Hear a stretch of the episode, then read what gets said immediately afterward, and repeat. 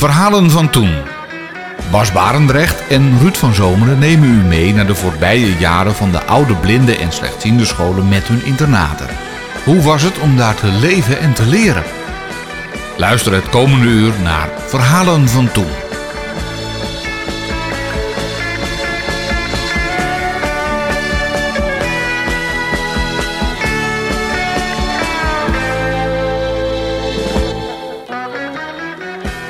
Vandaag kunt u gaan luisteren naar het verhaal van Roelie Bresser. Sommigen van u zullen haar kennen onder haar eigen naam, Roelie van Goor. Van 1947 tot 1959 zat zij op het Blinde Instituut Bartimeus in Zeist. Het instituut dat binnenkort zijn eeuwfeest viert, want het werd opgericht in 1915. Tijdens het gesprek met Roelie hoort u op de achtergrond wat uh, geknaag. Dat is de hond die op een bordje ligt te kluiven. Het is maar dat u het weet. We beginnen het verhaal natuurlijk, zoals het hoort, bij het begin. Wij woonden toen in Arnhem en vader en moeder waren beide import. En die hebben, ik ben dan de oudste thuis, maar die hebben mijn zusje en mij echt goed geleerd van huis af te kunnen. Omdat alle familie buiten de stad woonde. Dus nou, we gingen nog alles logeren hoor, bij opoe of opa en, en tantes en ooms en zo. Dus ik kon heel goed van huis af. In vakanties, uh, in, in de zomervakantie Vader was timmerman, dus we hadden alleen te doen met een week bouwvakvakantie. En dan werd het wel altijd de familie van vaders kant, want vader kwam uit Dedemsvaart. En dan waren ze er wel altijd bij. Maar mijn moeder kwam uit de achterhoek. En nou, uh, in de vakantietijd dan gingen we wel op de fiets naar Gendringen. Dat is een, een dorpje bij de Duitse grens, achter, nou, nog achter Terborg achter Ulft zelfs nog. En uh, die lieten ons daar gewoon achter bij opa en opa op de boerderij. En dan, uh, nou, daar, daar konden we ons prima vermaken, want daar hadden ze ook een heel stel kinderen in de buurt.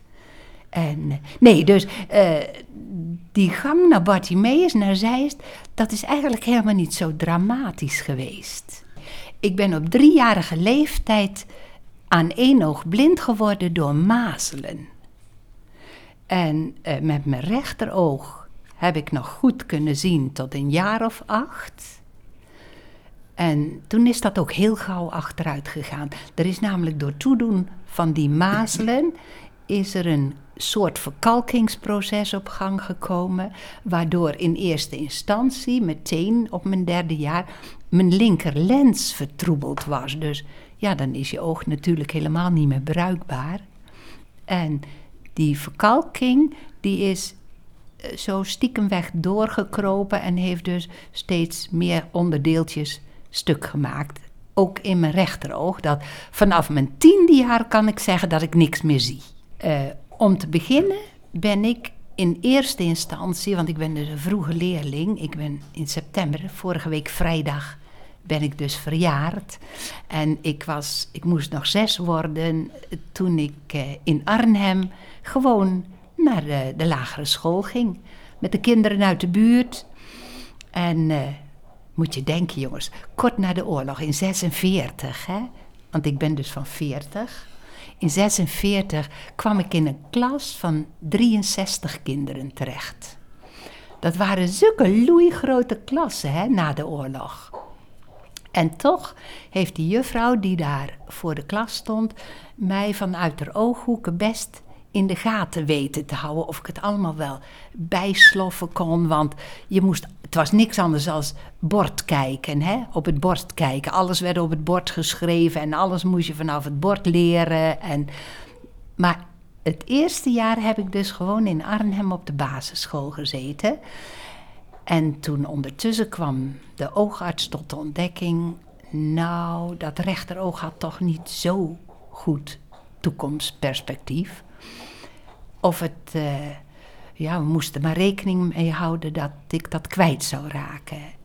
En dat heeft het hoofd van die school waar ik in Arnhem op was, heeft dat ook meegenomen of te horen gekregen. En die heeft vader en moeder toen op een gegeven moment in dat eerste jaar voorgeslagen of het niet verstandig was dat Roel naar een speciale school voor blinde en slechtziende kinderen ging. In plaats van te verprutsen wat ze nu nog zag. En vader en moeder vonden dat meteen prima. Ik, ik heb een hele fijne vader en moeder gehad, joh. Een hele, dat, dat, dat is, kan, kan ik niet vertellen, maar die zijn, dat zijn zulke natuurtalenten geweest om om te gaan met een kind wat, ja, wat iets scheelde. Dat, dat hebben ze zelf nooit zich gerealiseerd. Toen ik van school af was en al in Arnhem bij PBNA werkte, heb ik ze dat een keertje verteld. Hè? Dat, uh, nou ja, hoe geweldig ze eigenlijk ook met mij omgegaan zijn in uh, al die jaren, ook als meteen van meet af aan, als klein kind zijnde. Ik heb mijn vader en moeder, als ik wat wilde, heb ik nooit horen zeggen van, nee kind, dat kan jij niet. Of mijn vader die zei, nou meid, dan gaan we dat doen. Of mijn moeder die zei, uh, nou, uh, doe het maar. En als het dan fout ging, dan nog was het niet uh, terugpakken zo van geef maar hier, want bij mij gaat het. Nee hoor, doe maar over. En dat, dat is geweldig hoor jongens, als je zulke vader en moeder hebt gehad. Dus vader en moeder uh, vonden dat uh, eigenlijk een prima idee. Alleen, toen hebben ze het best een poosje moeilijk gehad. Want toen daar werk van gemaakt werd, hè, dat ik dan naar Bartimeus zou gaan, want dat zou het dan worden. Toen kregen ze een lijstje thuis, in 46, van wat er allemaal in die koffer van mij moest zitten alles op de bon, hè, textiel. Maar er moesten wel vier onderbroeken zijn en vier hemden en vier pyjama's en vier schorten. En vier, nou, ongelooflijk. Dus daar hebben papa en mama nog wel eens bedenkelijk bij gekeken van hoe krijgen we dat netjes bij elkaar. Het is uiteindelijk toch gelukt. Uh, ik, heb een hele fijne familie. Uh, dat kwam erbij dat uh, vader werd eigenlijk ook aangesproken voor een eigen bijdrage in die verzorging van mij in Zeist. Papa die zegt, dat, dat kan ik niet met mijn inkomen als timmerman. En zo. Ze zijn de hele familie langs gegaan hoor. Maar gelukkig hebben wij de nodige familieleden in kunnen lichten. En, zo. en net zoals mijn grootmoeder van moeders kant en zo, die zei: die hadden het zelf helemaal niet breed. Een klein keutenboerderijtje, weet je wel. Anderhalve koe en een varken in het hok en, en wat kippen in een hok. En, uh, en ja, ja, nou ja, voor Roel hadden ze dat dan best over. Uh, maar papa die zei, heb niet het hart dat je ze dat vertelt. Uh, dan, mijn grootmoeder kon ook heel goed handwerken.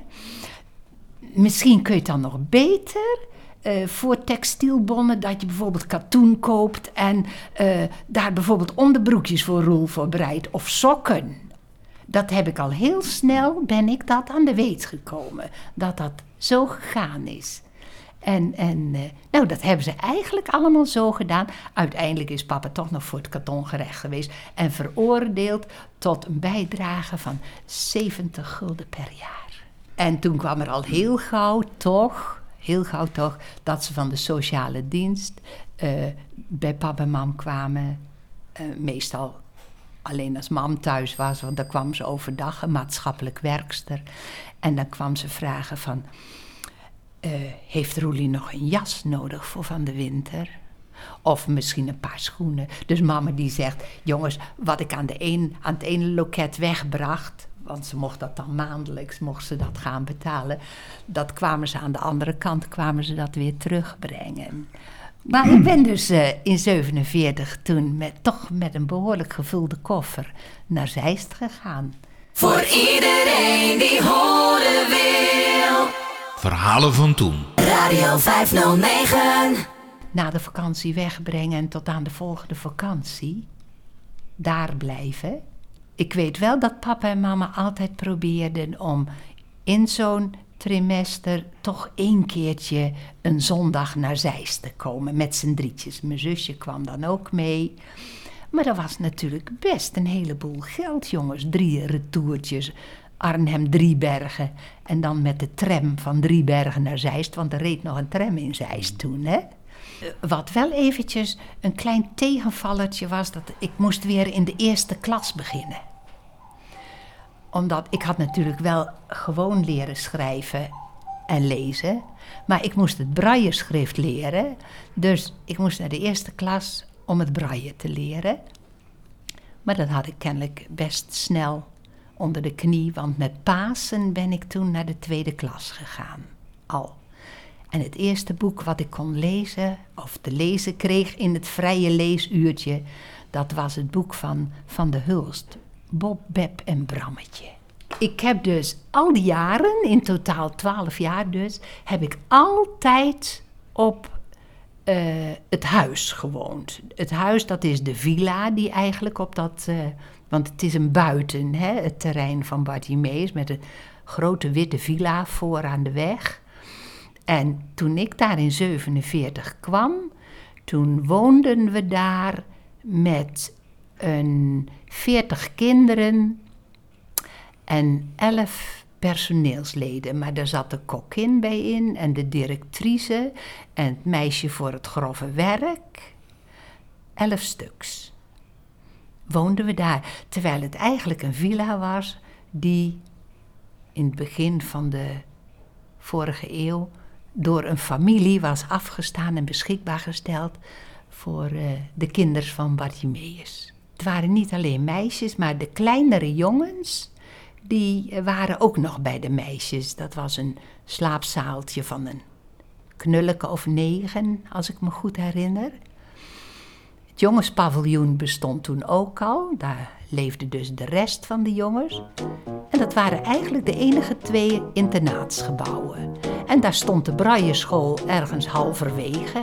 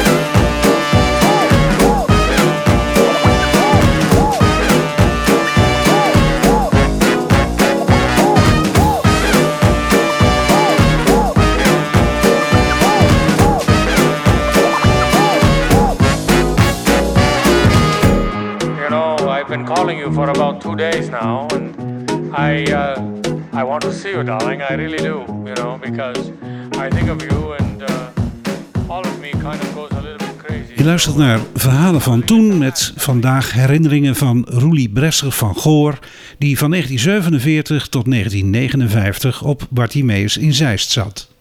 We pakken de draad van het verhaal weer op als Roelie spreekt over de scheiding tussen het blinde en slechtziende onderwijs. Dat is pas in de vijftiger jaren gekomen. Dat is ontstaan eh, doordat er eh, oorlogsinvaliden uit de Korea-oorlog eh, gerevalideerd moesten worden. Die, die waren blind geworden in de Korea-oorlog. En eh, toen is er gewoon een van de leraressen van de Braille-school... eh, buiten gewone schooltijden om... kwamen er ineens twee volwassen mannen kwamen er, de school binnen. En die kwamen bij juffrouw van Eck terecht. En daar ging juffrouw van Eck toen mee aan de gang. En, en dus die revalidatie van die eh, blinde of slechtziende veteranen, zal ik ze dan maar noemen. eh, daar is juffrouw van Eck verder mee doorgegaan. Op een gegeven moment werden de slechtziende kinderen uit alle klassen gehaald. Want tot dan, tot die tijd, ik denk dat het 52, 53 geweest is. Tot die tijd zat het spul dus allemaal door elkaar heen. Hè. Werd er ook voor slechtzienden niks speciaals gedaan. Hè. Alles leerde braille en moest met braille materiaal werken. En eh, ja, dat was het. En toen kwam dat klasje, daar was toch, waren er toch wel zoveel dat er een, een klasje van een stuk of veertien kinderen, denk ik, was. En daar zijn ze toen ook speciale, nou, verstelbare bladen van de bank en lampen en, en zo. Dat soort voorzieningen is men toen begonnen in het slechtziende klasje. Eh, het is eigenlijk best een beetje eh, langzaam gegaan, want die slechtziende kinders bleven wel tussen de blinde kinders op het internaat tot dan toe. Daar is pas eh, wijziging in gekomen toen halfweg de 50 jaren er een nieuw internaat werd gebouwd, waar toen ook de al wat grotere groep slechtziende kinderen ook naartoe gingen om te wonen. En toen heeft men een hele strikte scheiding gemaakt tussen eh, de slechtziende afdeling en de blinde afdeling. Dat was soms best heel naar, want eh, de slechtziende kinderen, die toch blinde vriendinnetjes hadden, die mochten zelfs niet meer naar de internaten toe. Die, de, de, contacten die moesten werkelijk helemaal eh, worden verbroken. Iedereen weet bijna wel dat destijds had Bartimeus een heel goed schoolkoor. En daar hebben we ontzettend veel concerten mee gegeven. En wat gebeurde er nou? Dat waren veelal kerkconcerten. En wat gebeurde daar dan? We reisden daar naartoe, meestal op woensdagmiddag. Onze woensdagmiddagen gingen daaraan. En eh, dan kwam je in zo'n kerkgebouw en dan eh, ging je, eh, zoals je op rij in het koor stond, schoof je de kerkenraadsbanken in. De jongens bijvoorbeeld in de, in de ouderlingenbank en de meiden in de diakenenbanken. Meestal waren dat twee banken. En dan was het zo dat op het eind als laatste kwam daar altijd een ziende te zitten, of een slechtziende te zitten. Want eh, wanneer we dan op moesten komen, dan kon die tenminste voorop lopen De en de hele rij aanvoeren, zodat iedereen op zijn plek. En dan schoven die rijen wel weer in elkaar, weet je wel. En zo, maar, ik bedoel, zo, zo werden eh, slechtzienden. Maar ik weet niet of ze daar nou extra door belast werden. Of ze dat ook zo voelden. Of dat wij dachten van... eh, ja, die ziende, dat zijn die slechtzienden dan maar weer, weet je wel. Die, die, die mogen dat weer doen. Heb ik eigenlijk nooit gevoeld zo. Je kon goed zingen. En dan was het eigenlijk een eer dat je in dat koor bijschoof. Ja, en ik, ik heb het eigenlijk nooit als, als een verplichting gevoeld. Nee, ik heb het idee, we hebben altijd wel vreselijk veel plezier gehad. En dat sluit dat misschien wel buiten de deur. Hè? Dat je denkt van, hebba alweer of zo. Het was gewoon leuk. Hè, van Huis, en meneer Van Huis, de muziekleraar, die eh, ook dirigent was, die reisde mee in de bus. En meneer Van Viegen, die ons dan altijd op de orgel begeleidde, die was destijds organist van de Domkerk in Utrecht. En eh, dat was ook zo'n maffe bink, die, daar kon je mee lachen, joh. Die, eh, die reisde ook mee in de bus. Dus nee, dat was dolle pret, hoor, die busreizen.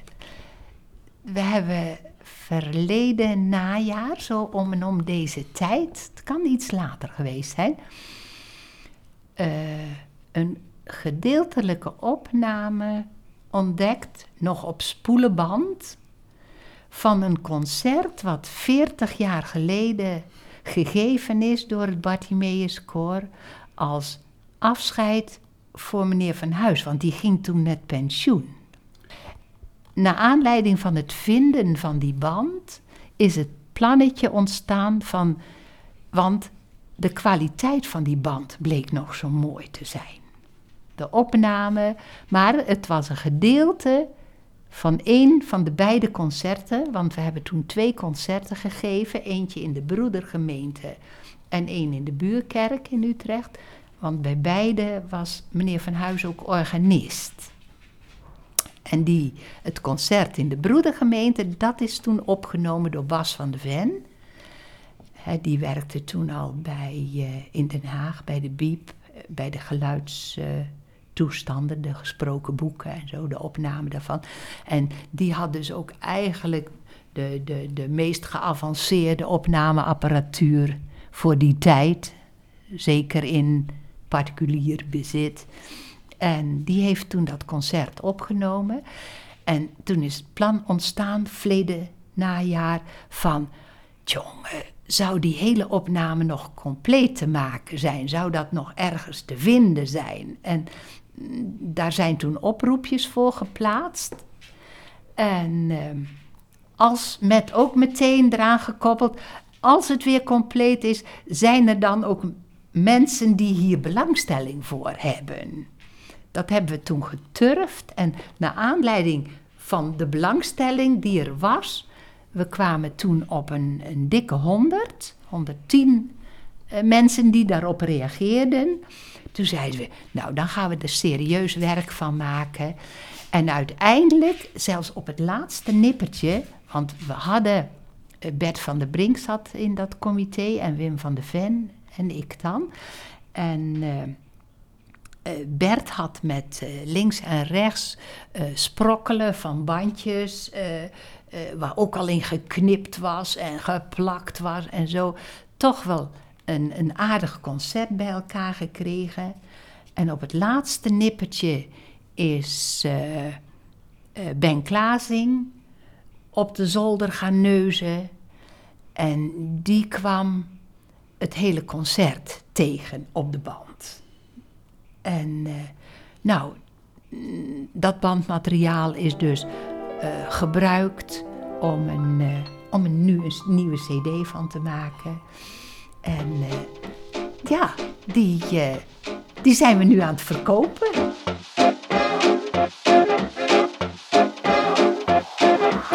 Another day, another night got me thinking. What is it with him? He's naturally moving slow. I see him at the corner bar. Am I dreaming? Surrounded by friends, it's got to end. I need to know.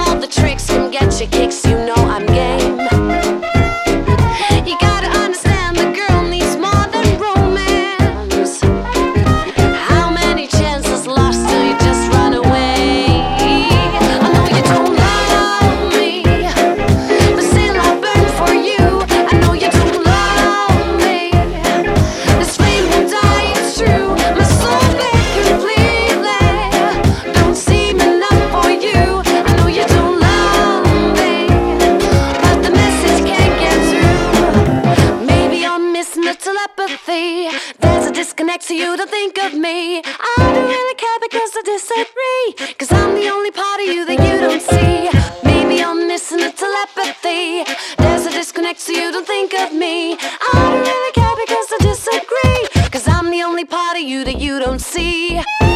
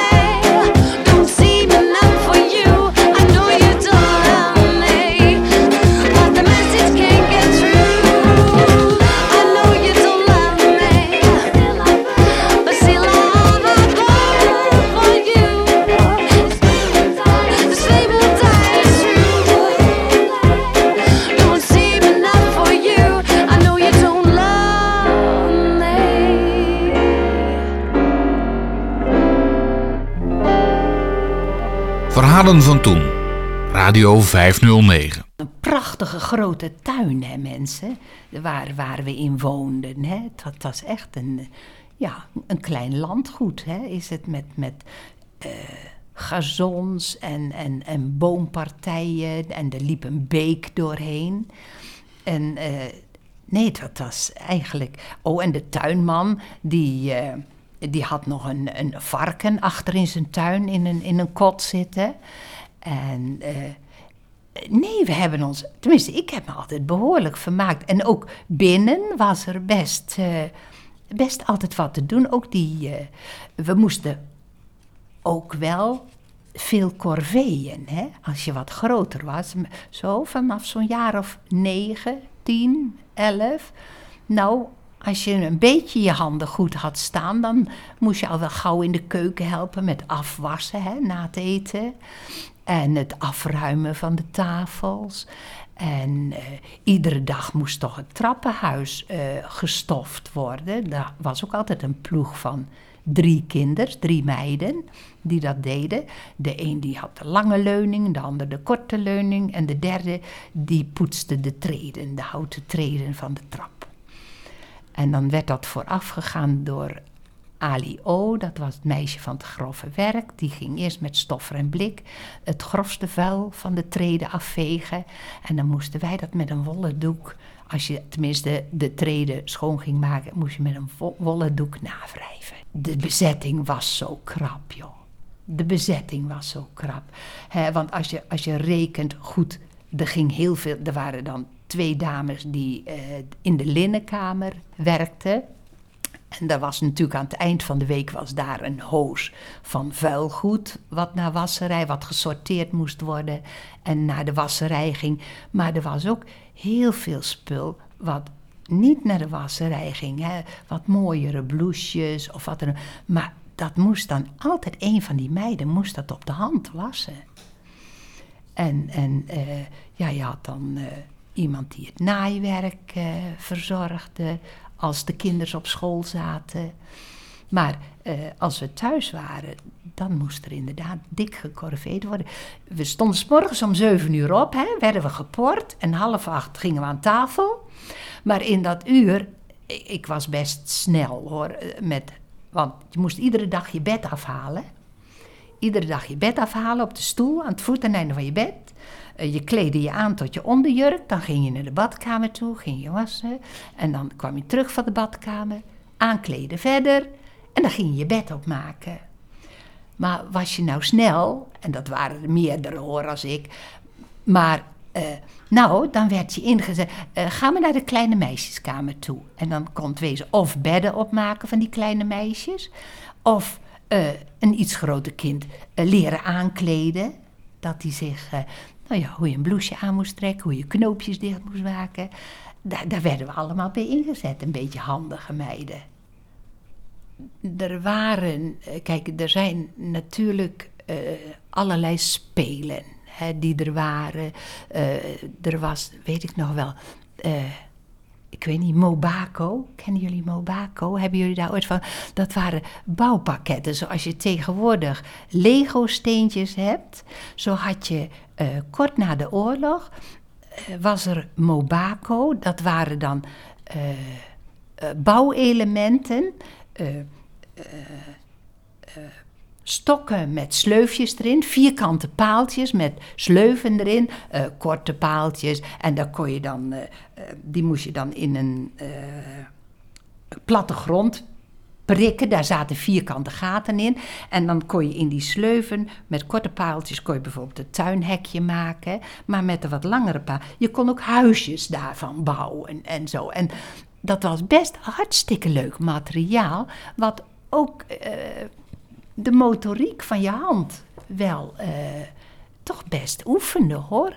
En er waren natuurlijk ook stagiaires op die internaten, hè, die in die kinderverzorging wilden.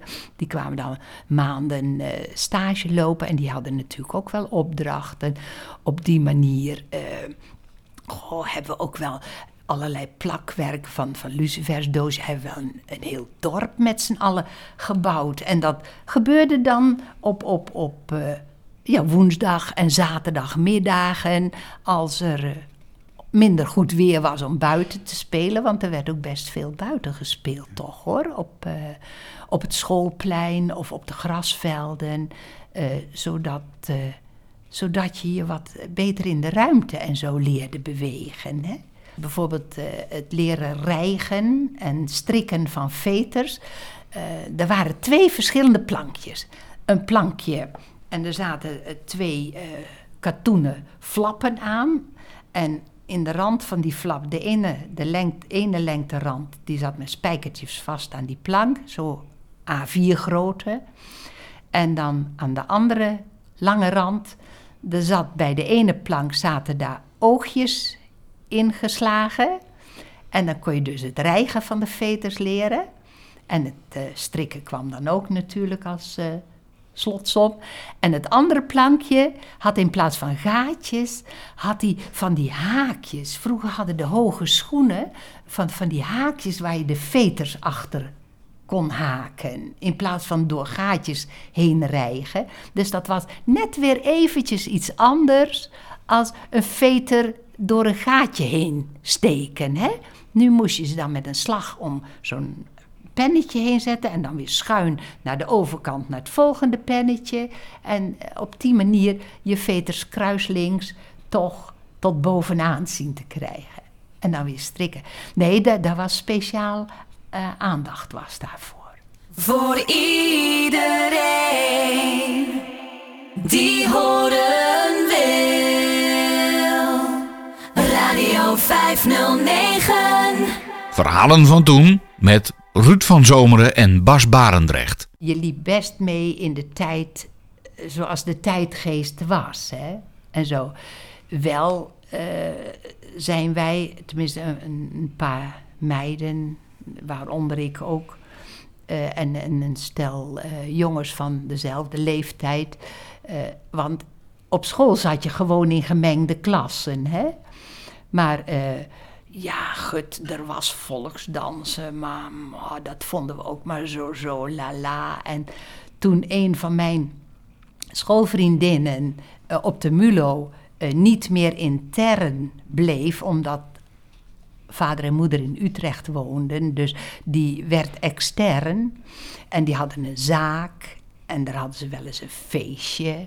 En nou, een van die jongens, van die werknemers bij haar thuis, die, eh, die leerde haar dansen. Nou, dachten wij, een paar vriendinnetjes van haar. Oei, dat willen wij ook wel leren, weet je wel. Maar eh, dat kon niet op Bartimeus. Daar hebben we best een heleboel herrie om moeten maken. Een heleboel voor moeten praten. En uiteindelijk, nou ja, eh, we moesten dan schriftelijk toestemming van vader en moeder hebben. En dan eh, zouden we op de dansschool in Zeist, eh, bij eh Retticini heette die, daar mochten we dan danslessen gaan nemen. Maar we mochten niet oefenen op het terrein. Alle hekken stonden open. Als je, als je het terrein af wilde, ja hoor, je mocht altijd weg. Er is nog wel iets leuks over te vertellen. Ook al mochten we dan op het terrein niet dansen. Die Jelly, die dan al extern was, hè, die in Utrecht woonde, die, eh, nou ja, op een gegeven moment. Even een zijpaadje. Door ruimtegebrek op de internaten mochten we ons huiswerk op school maken, in de schoolklassen. Dus als er geen school was, woensdagsmiddags en zaterdagsmiddags en s'avonds zelfs na het brood eten en je zat op de mulo, dan mocht je naar school en je moest huiswerk maken, dan mocht je naar school gaan, het schoolgebouw. En nou, in dat schoolgebouw was ook het zanglokaal. En nou, Jelly heeft mij in het zangolokaal, terwijl wij het zelf zongen, echt de veleta geleerd hoor. Dus wij zwierden al zingend door het zanglokaal heen. En dat gebeurde ook een keer eh, dat daar eh, professor Diepenhorst binnenkwam. Die eh, kwam af en toe wel eens, die was toen voorzitter van het bestuur. En ach, die kwam nog eens kijken hoor, op het terrein en zo. En die maar die heeft daar toen niks van gezegd. Want joh, er zaten stikgrote ramen in dat eh, als je op de gang liep, dan kon je zo naar binnen kijken, de hele lengte van het lokaal door. Hij kwam binnen en hij groette. Dus wij verstijfden aanvankelijk, maar ja, hij zei verder niks. Dus eh, toen zeiden wij ook maar dag, dag meneer Dievenhorst. Of, of, of het nou heet was of koud was, eh, er was een strikte regel van zo laat naar bed. Als je zo oud was, zo laat naar bed. En dan kon het ook gebeuren dat, want het, het hele, de hele villa werd dus gebruikt. Hè? En op die manier kwamen we ook op een gegeven moment, als je zo'n jaar of 13, 14 was, kwam je op de voorzolder te slapen. Daar sliep je dan met negen meiden. En was je weer wat ouder, dan kwam je op de biep te slapen. Eigenlijk was dat een zolder, gewoon een zolderverdieping. De biep heette dat. Daar lagen we met z'n zestienen, met koekoeksramen, in, want de schuinte van het dak die begon daar zo op eh, 1,60 meter hoogte. Zo aan het hoofdeneinde van het bed, zou ik maar zeggen, begon de schuinte van dak. En daar zaten koekoeksramen in. Maar ja, ook bij de zomerdag, dan eh, stonden die ramen open en dan was het heet, vooral daar op zolder. En dan kon je slecht slapen en dan kwamen we best wel ons bed uit. En eh, ja, hadden we bedacht, eh, we moeten zien dat we iets van het ene raam naar het andere raam krijgen. Een telefoon. Dus twee blikken met een touw ertussen. En nou ja, dat blik moest bij één raam en een heel eind verder moest een ander blik. En dan zou je, als je in dat blik praatte, zou je met elkaar kunnen praten. Dat moest een telefoonlijn zijn. Maar ja, dat blik moest natuurlijk naar dat andere raam buitenom. En eh, ja, het kon niet anders als door de dakgoot lopen, want onder die koekoeksramen liep echt een hele grote... Die oude dingen hebben een hele brede dakgoot, hebben die, hè. En toen werd er beneden aan de voordeur gebeld. En de dienstdoende juf doet open. Stonden mensen op de stoep. En zeiden... eh, juffrouw, juffrouw, eh, weet u dat de kinders door de dakgoot heen lopen? Dat konden ze vanaf de Utrechtse weg namelijk zien. Hadden ze ons door de dakgoot zien lopen. Maar ja, ja, en wat, wat deed je nog meer, joh? Eh, eh, eh, staken, naar categorisatie, niet, naar categorisatie willen gaan en zo, weet je wel. Dat soort dingen, als je in zo'n leeftijd van zo'n jaar of 14, 15 bent, dan, dan toch een beetje de versenen tegen de prikkels gooien. Little girl, just keep on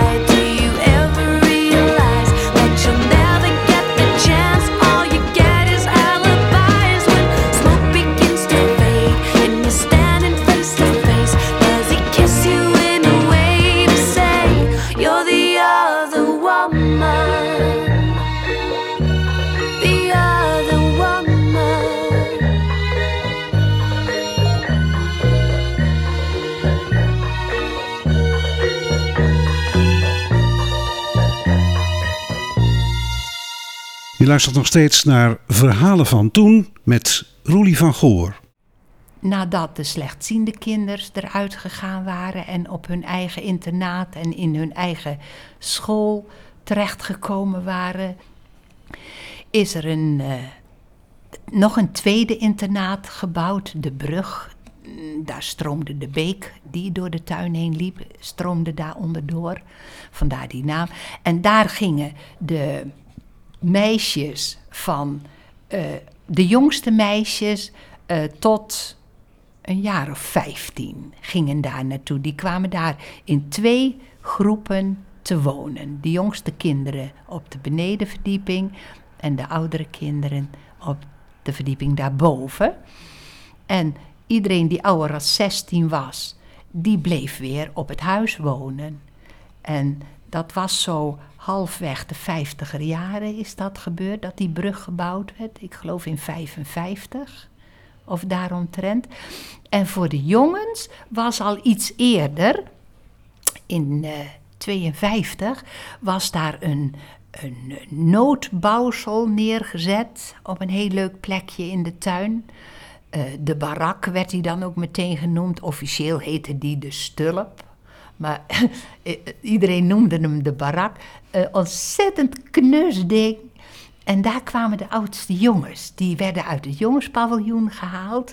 En die kwamen daar te wonen. Vanaf een jaar of 16 totdat ze van school afgingen. Dus de groepen werden steeds kleiner. En eh, daardoor eh, werd eigenlijk het regime, vooral tussen de wat oudere kinderen, werd toch wat ja, normaler.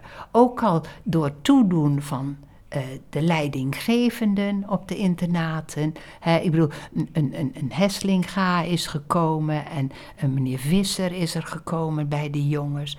En eh, op het huis, eh, die, die leidsters die daar waren, er kwamen wat jongere meiden bij. En die, eh, ja, die konden dat toch kennelijk eh, wel goed aanvoelen.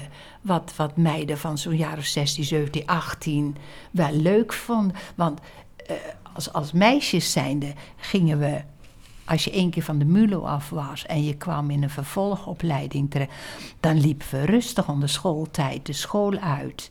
En gingen bijvoorbeeld op het huis koffie drinken. En, en dat was gewoon, eh, gewoon.